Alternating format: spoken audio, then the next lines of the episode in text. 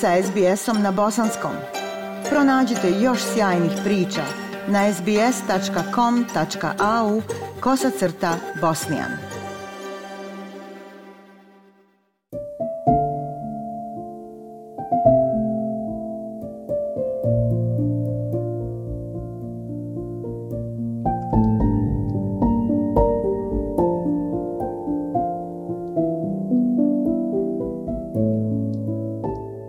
Slušate program SBS radija na Bosanskom. U prošlu nedjelju razbijanjem drvenog broda Ohridi italijanske južne obale utopilo se 67 migranata. Mnogi se još uvijek smatraju nestalima, te bi broj žrtava mogao porasti na više od stotinu. Spasilačke ekipe izvukle su umeđu vremenu tijela još dvoje djece, čime je broj maloljetnih migranata tragedije porastao na 16. Rođaci nekih od žrtava brodoloma prisustvovali su identifikaciji u mrtvačnici u kojoj se nalaze tijela preminulih. Drvena brodica koja je prevozila migrante razbila se u Olujnom moru na grebenima u blizini Kalabrijske obale.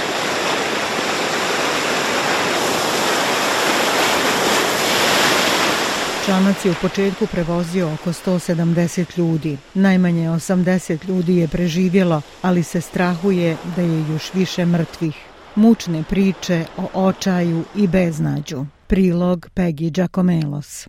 Jedan od onih koji pomažu preživjelima je Sergio Didato, vođa projekta Ljekari bez granica. Ovdje on opisuje posljednje trenutke dječaka koje je svjedočio njegov stariji brat. Questo ragazzo siriano di circa 20 anni che viaggiava col fratello. A Syrian boy of about 20 years was traveling with his six-year-old brother.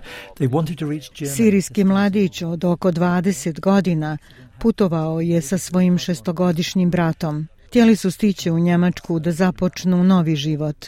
Na kraju, kada se nesreća dogodila, položio je svog mlađeg brata na komad drveta i gledao kako dijete polako umire od hladnoće. Plaža na Jonskoj obali Kalabrije bila je prekrivena razbijenim olupinama 20-metarskog čamca. Tu su bile i stvari koje su migranti ponijeli sa sobom.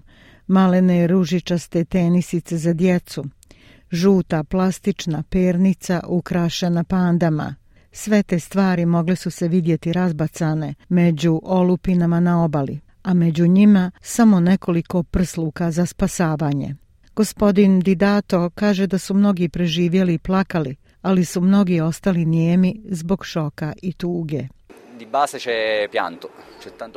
There are many who cry and that's at least an outlet, while others Mnogo je onih koji plaču, daju sebi bare malo oduška, a drugima još treba podrška da shvate šta se dogodilo. Zatvoreni su u neku vrstu tišine koja gotovo želi zakamuflirati ogromnu težinu onoga što osjećaju i onoga što su iskusili. Stanovnici južnog italijanskog grada Crotonea, gdje se nesreća dogodila, održali su bdijenje za one koji su se utopili.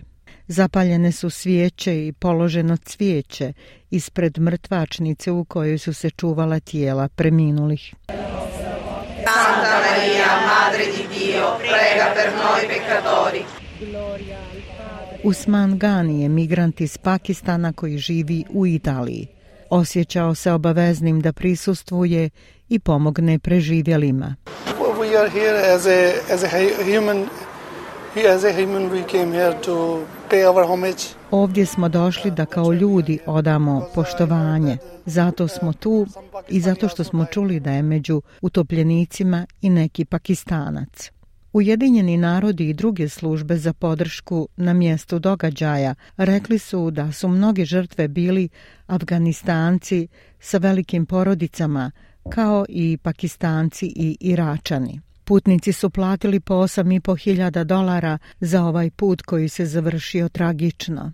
Aladin Mohibzada vozio se 25 sati iz Njemačke da vidi tijela svojih preminulih rođaka i pokuša pronaći petogodišnjeg rođaka, jedinog člana porodice za kojeg se zna da je preživio.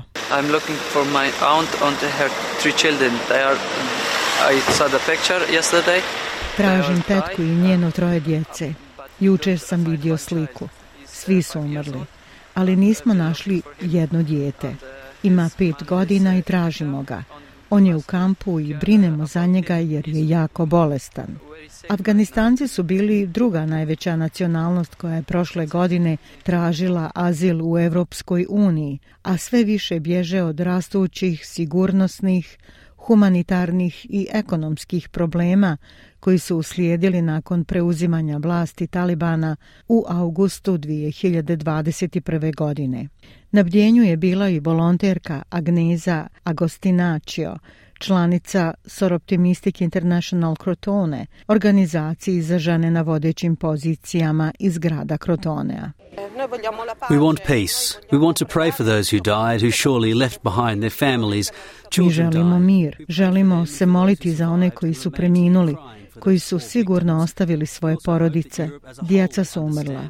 Molili smo se za njih i za one koji su preživjeli i ostali ovdje plačući za tim jadnim žrtvama. Također se nadamo da će Evropa u cijelini shvatiti da ne možemo ostaviti ljude da umru. Potrebne su nam drugačije politike.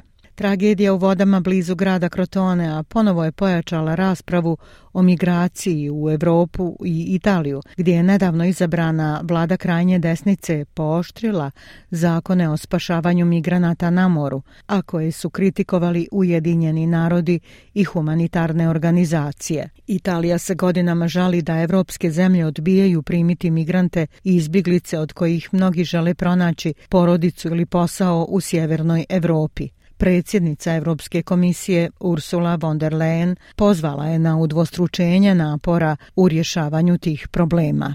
Ja sam Aisha Hadži Ahmetović. Ostanite uz program SBS radija na bosanskom jeziku. Like, share, comment.